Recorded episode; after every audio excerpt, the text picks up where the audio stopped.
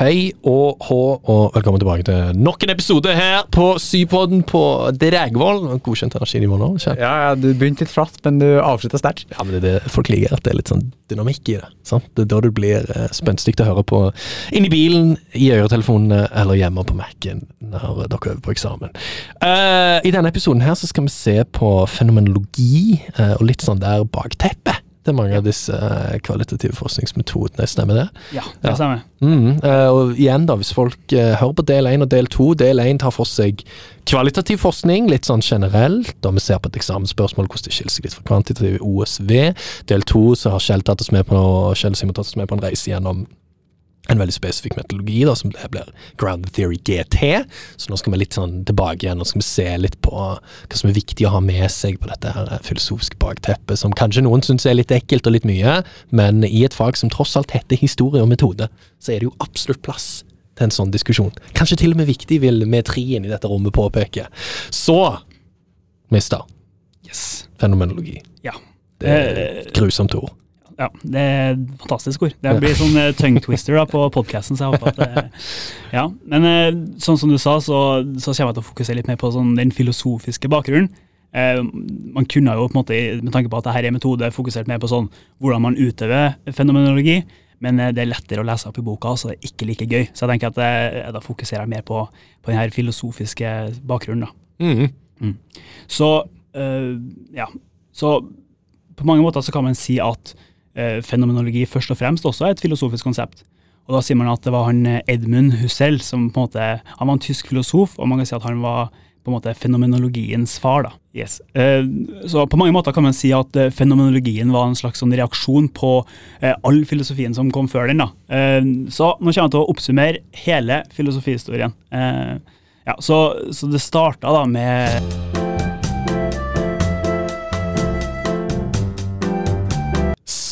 Satan, her har vi Ja, nei, eh, men det vi egentlig prøvde å snakke om i denne episoden eh, Takk skal du ha, by the way. Det var en liten, en liten TED-talk eh, på kapittel 1, Du 2. byr på din egen kunnskap.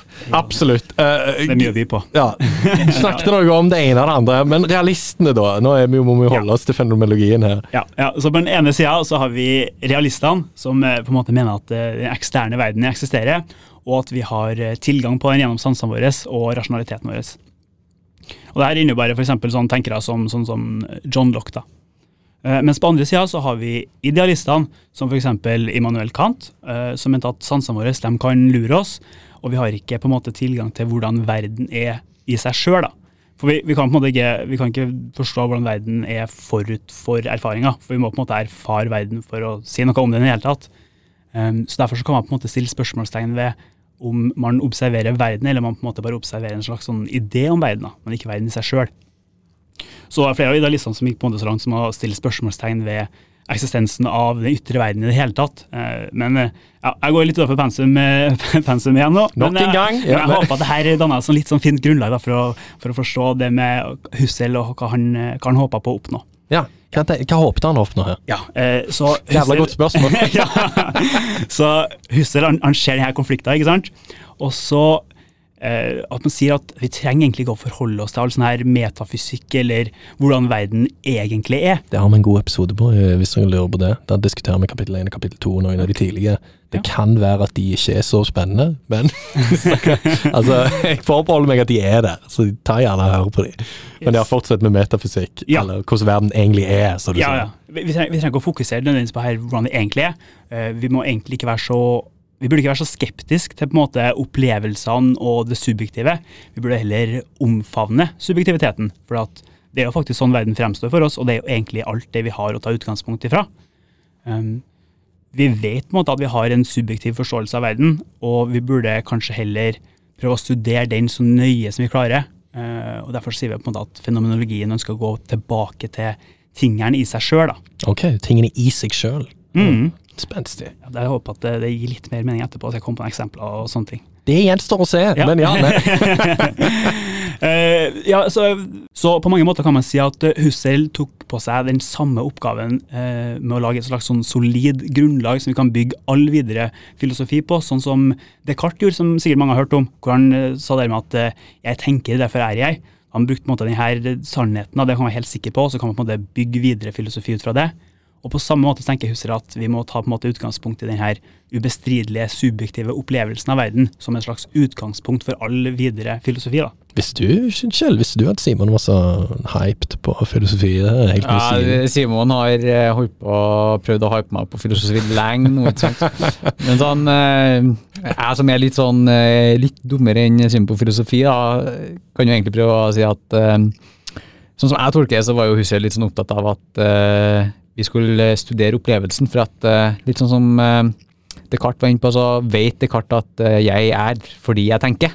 Og på samme måte så vet jo vi at vi har en opplevelse av verden, ikke sant. Altså, jeg kan kanskje ikke si noe om verden i seg sjøl, men jeg kan definitivt si noe om opplevelsen min.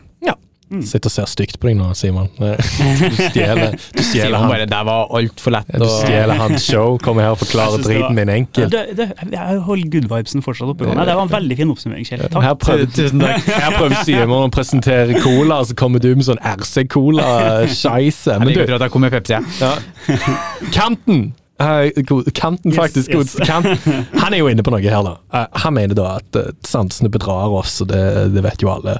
Eh, men hvordan tenker Hursel at han kan skaffe innsikt gjennom å studere vår, det du kaller den feilaktige opplevelsen? Da? Ja, eh, så Hussel var jo veldig enig om at eh, vi hadde jo sånne antakelser og bias om verden.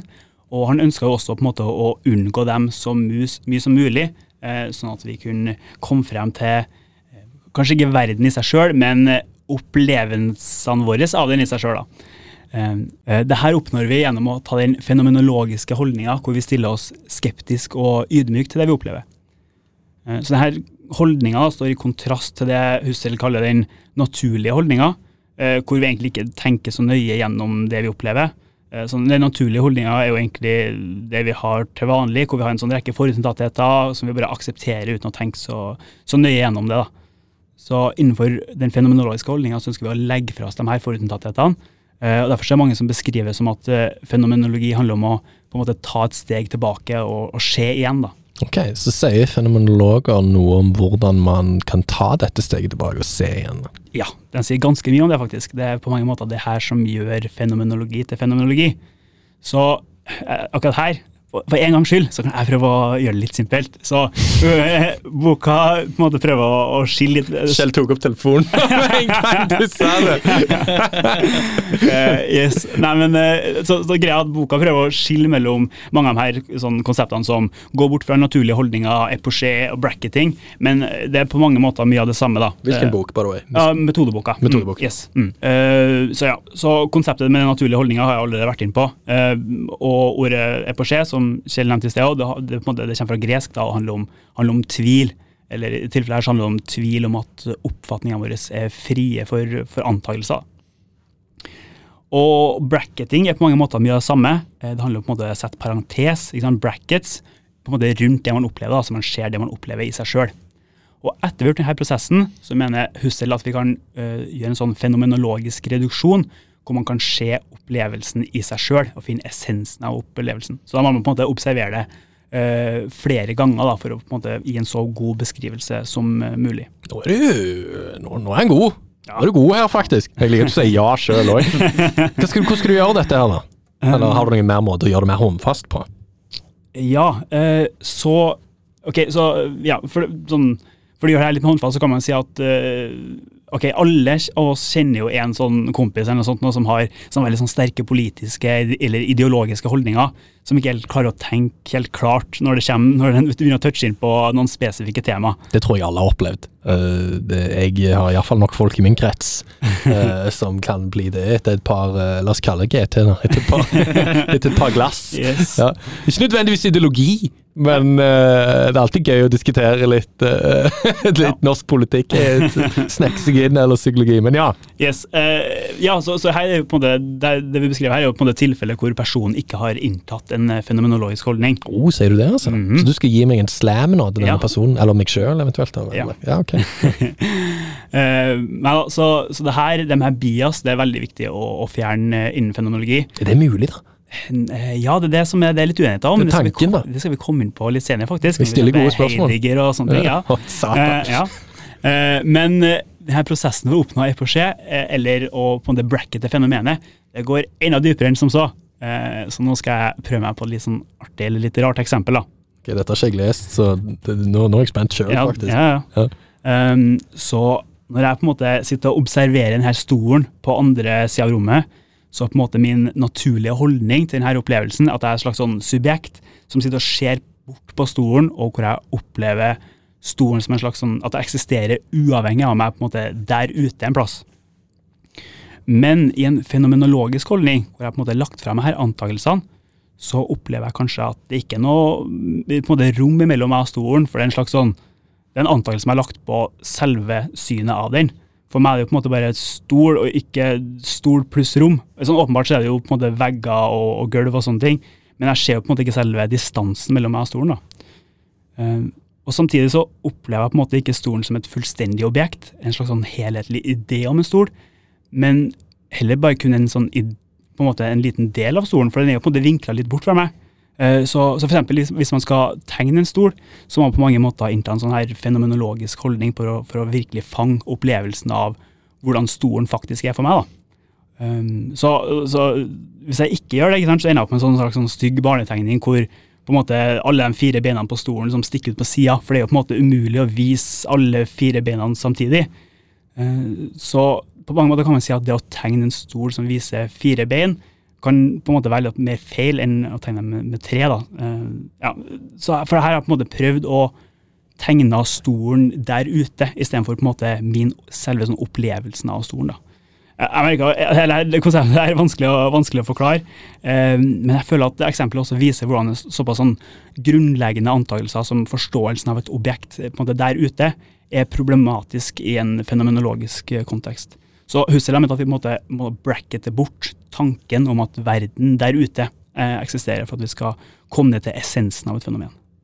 Ja, dette her tror jeg noen kommer til å måtte høre på to ganger. Ja. Det tviler jeg ikke på. Ja, ja, det ble litt komplisert, eh, men bare vit at det var langt utenfor pensum. Jeg bare syns sånne ting er, er litt sånn interessant, da. Det er ikke Eh, nødvendigvis ut fra pensum. Det kan være veldig passende til spesielt hva slags type oppgaver som kommer på, på seg historiebiten. da. Men Ja. altså, det er jo ingenting av dette som er bak mål. Det Nei er da. det jo ikke. Nei.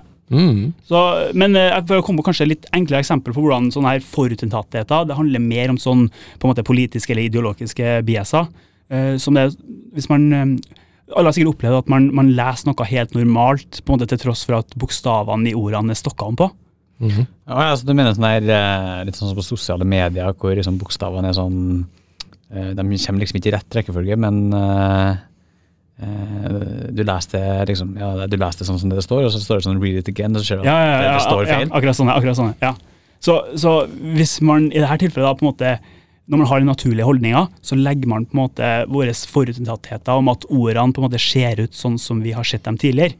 Men her, hvis vi tar et steg tilbake og prøver å se igjen, og se hva vi egentlig ser, så har vi kanskje fått en, bedre forståelse av uh, våre opplevelser.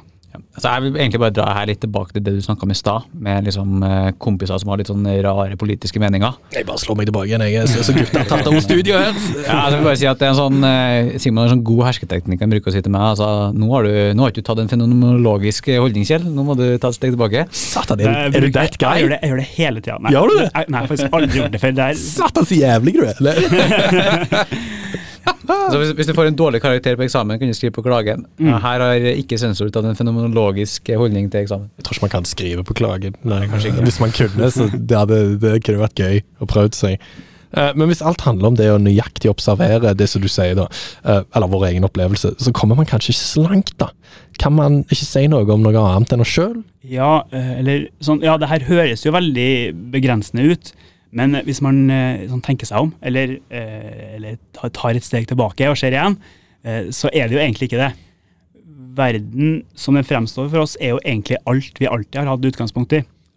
Og som jeg sa tidligere, så på en måte ønsker ikke fenomenologien å være redd for denne subjektiviteten, men heller bare omfavne den. da. Så her kommer også et annet viktig begrep innenfor fenomenologien, og det er intensjonalitet. Eh, Det handler ikke om en sånn intensjon bak handling, det handler ikke om en sånn baktanke bak en handling, eh, men det handler om at bevisstheten alltid er retta mot noe. Eh, Så når jeg ser, så ser jeg alltid noe, som f.eks. denne mikrofonen eller dere to. Når jeg tenker, så tenker jeg alltid på noe, som f.eks. hva jeg skal ha til middag etterpå nå. Gjør du det? Ja, en ny og ne. Bjørn blir sulten. Jeg gjør det akkurat nå. ok. Neida. Eh, men denne forståelsen av, denne forståelsen av bevisstheten da, gjør at, at verden og bevisstheten på en måte ikke kan ses på som separat. Så, så Idealistene mener at vi ikke kan si noe om verden fordi sansene kan lure oss.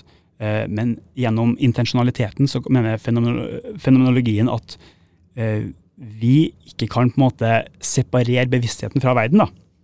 Så eh, kan jeg velge å på en måte ikke se verden akkurat sånn som den fremstår for meg akkurat nå. Eh, Jeg kan jo egentlig ikke det. sånn Uansett hvor irriterende jeg syns dere er, så får jeg ikke gjort noe med. Dere er der uansett. Jesus! Oi, oi. Dette her er så jævlig intens episode. Jeg bare var- ble for mye good vibes nå, så jeg måtte dra det litt ned igjen. Eh, ja. Du sa nettopp for fem minutter siden at du ville beholde good Nei, Jeg følte du ble litt sånn eplekjekk en liten peri- periode her. Altså. Det, Ja, okay, det skal jeg gjøre så sjelden. Jeg skal gå på telefonen en gang. Fortsett, Simon. Yes, eh, nei da, men så det er poenget er at på en måte ut fra det her så kan man mente at derfor så er ment Husserl at verden og bevisstheten er på en måte uatskillelig. da.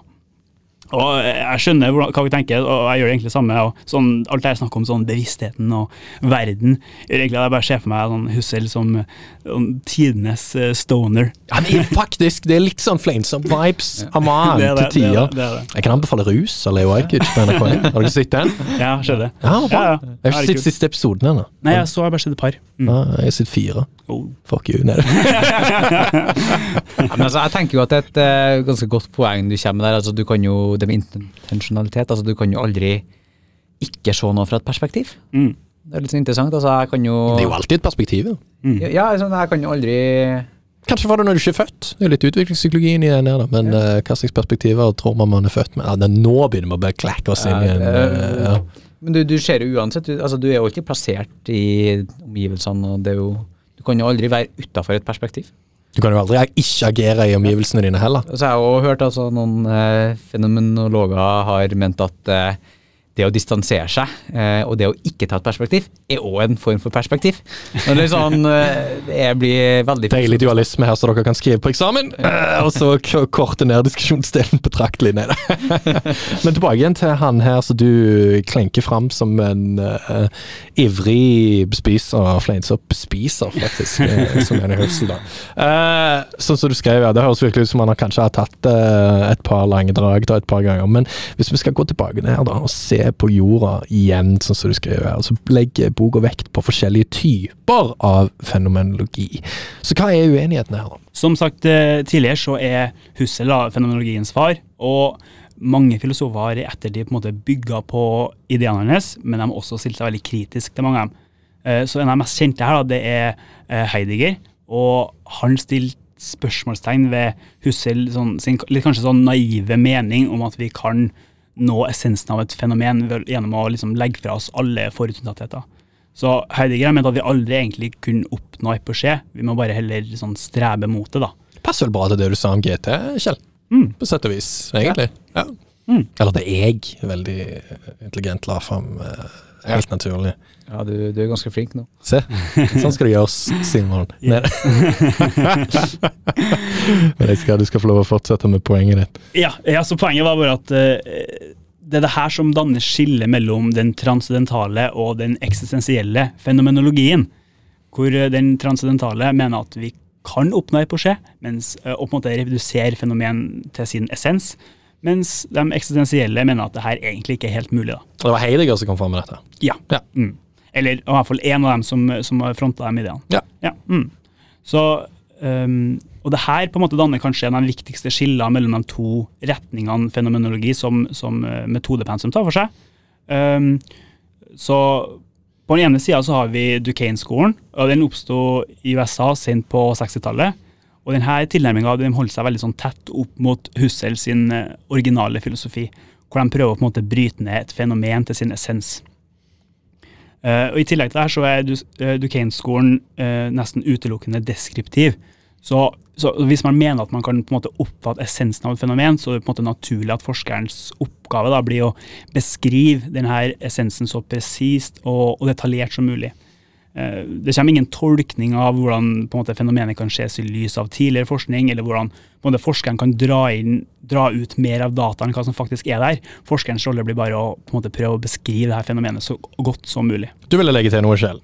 Ja, altså, hvis vi drar det her litt tilbake til GT-episoden, da, så bør det den følelsen av å være på Dragvoll. Altså, kanskje skal vi beskrive den sånn du kan føle den på kroppen. altså må Beskrive det på en, sånn, en så detaljert måte at uh, selv om du ikke har gått på Dragvoll, så kan du føle den følelsen allikevel. Den kalde følelsen. Kald skulder. Den, den kalde, kald chille, slappe følelsen. Ja. ja, det er et godt poeng, det. Eh, Du nevnte én tilnærming, eh, Simon. Ja. En til? Ja, eh, så den andre tilnærminga som pensum tar for seg, det er interpretive phenomenological analysis, eller som man ofte bare kaller det for, for IPA. da. Så må huske IPA og GT. Ja. Så har du to, Ja. to drinker. Den ene en drink, den andre en pils, men det liksom det husker jeg var første vitsen jeg ble servert i metodekollokvien i min tid. iallfall. Ja. Var jævla fornøyd med den Øystein når han sa det. Han hadde bare bilde av to, liksom en IPA og en GT på powerpointen. Men ja, du må forklare litt hva det er, da. Hva Ja. IPA for noe? er. Ja, så denne tilnærmingen oppstår litt senere, i Storbritannia på 90-tallet. Og IPA da tar utgangspunkt i den eksistensielle fenomenologien, hvor man ser for seg at det egentlig er umulig å oppnå eposjé. Det er umulig å bryte ned et eh, fenomen til sin faktiske essens. da. Negativt? Ja, kanskje litt, men eh, Høres negativt ut. Ja, men, men her er greia, altså, hvis man tenker da at det her egentlig er umulig, så åpner det på en måte opp for at forskeren kan legge til noen av sine fortolkninger, sine en slags sånn tolkningsløs oppfatning av et fenomen, uansett det er umulig. Eh, I tillegg så på en måte denne tilnærminga ikke like redd for å, at tidligere forskning skal tukle med essensen av et fenomen, og derfor så er man også mer opptatt av å forholde seg til tidligere teori, i tillegg til å, til å skape ny teori. da. Hva er noe av kritikken mot The Gain-skolen? eller, Altså, prøvde de på å frekkeste her, IPA og fenomenologi generelt? Ja, eh, noe som går igjen for mange av de kvalitative forskningsmetodene, det er at eh, en av de, viktigste kritikkene er at de kanskje har et litt for eh, naivt syn på språk. Så, så i andre kvalitative forskningsmetoder, som f.eks. diskursanalyse, så legger de vekt på hvordan språket ikke bare brukes til å beskrive verden, men det brukes litt mer som et verktøy hvor den også er med på å konstruere oppfatninga vi har av den. Eh, Og da kan man si at siden språket har såpass mye makt da, og hvordan vi på en måte oppfatter opplevelsene våre, så det er vanskelig å argumentere for at man på en måte kan brackete bort da, språket og virkelig se essensen av opplevelsen. Um, og um, Samtidig så tar pensum opp en del kritikk rundt det å drive på med utelukkende deskriptiv forskning. Og da er liksom spørsmålet hvor, hvor nyttig er det egentlig å bare drive på en forskning som bare beskriver. Eh, Men her kan jeg på mange måter si da at eh, IPA har svaret på en del av denne kritikken, hvor de, hvor de har en del mer fortolkning. da. Prøver iallfall. Ja, prøver. Mm. Um, og så er det jo selvfølgelig at uh, den kritikken med at eh, fenomenologien har blitt kritisert for å ha et eh, litt for naivt syn på det her med bracketing, eh, og det med eposjé og det man kan legge fra seg forutinntattetene sine. Men her kan jo på mange måter si at den eksistensielle fenomenologien og, og IPA har svart på denne eh, kritikken også. Mm. Mm. Um, ja, det siste ja, det er at uh, innenfor uh, kritikken mot IPA, da, den handler i stor grad om måte, hvor fenomenologisk IPA egentlig er. Så, så boka sier noe så sykt som at uh, et uh, kartesiansk syn på bevisstheten er uforenlig med intensjonalitet. Uh? Det, det var nesten sykere enn mitt eksempel i sted. han tok seg en sigg etter den setningen, iallfall. Ja. Det er sånn én times arbeid ned i én setning.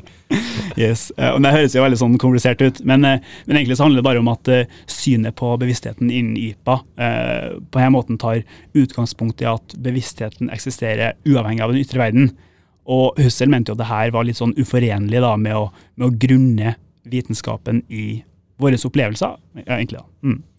Så, um, og I tillegg til det her så kan man argumentere for at uh, IPA går bort ifra mye av det som var um, originalt fenomenologi, pga. fortolkninger og teoribygninger og sånne ting, og hvordan de forholder seg til annen forskning.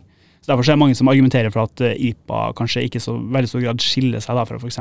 grounded theory eller tematisk analyse. Ja, Vi har jo kanskje ikke nevnt så mye om IPA i praksis her nå. da. Er det en Nei. liten ting du kan si på slutten der? Jeg vet at vi ikke egentlig har fokusert så mye på det, eller skal det, men altså sånn, er det noen likhetstrekk med noen andre ting som vi kan bruke sånn at elevene skjønner det? Eh, likhetstrekk. Det, er jo veldig mye av det samme som går igjen i mye kvalitativ forskning. Da, hvor, man, hvor man skal også kode på samme måte. Man har et, man har et ideografisk forhold til koding Mhm. i, i fenomenologi.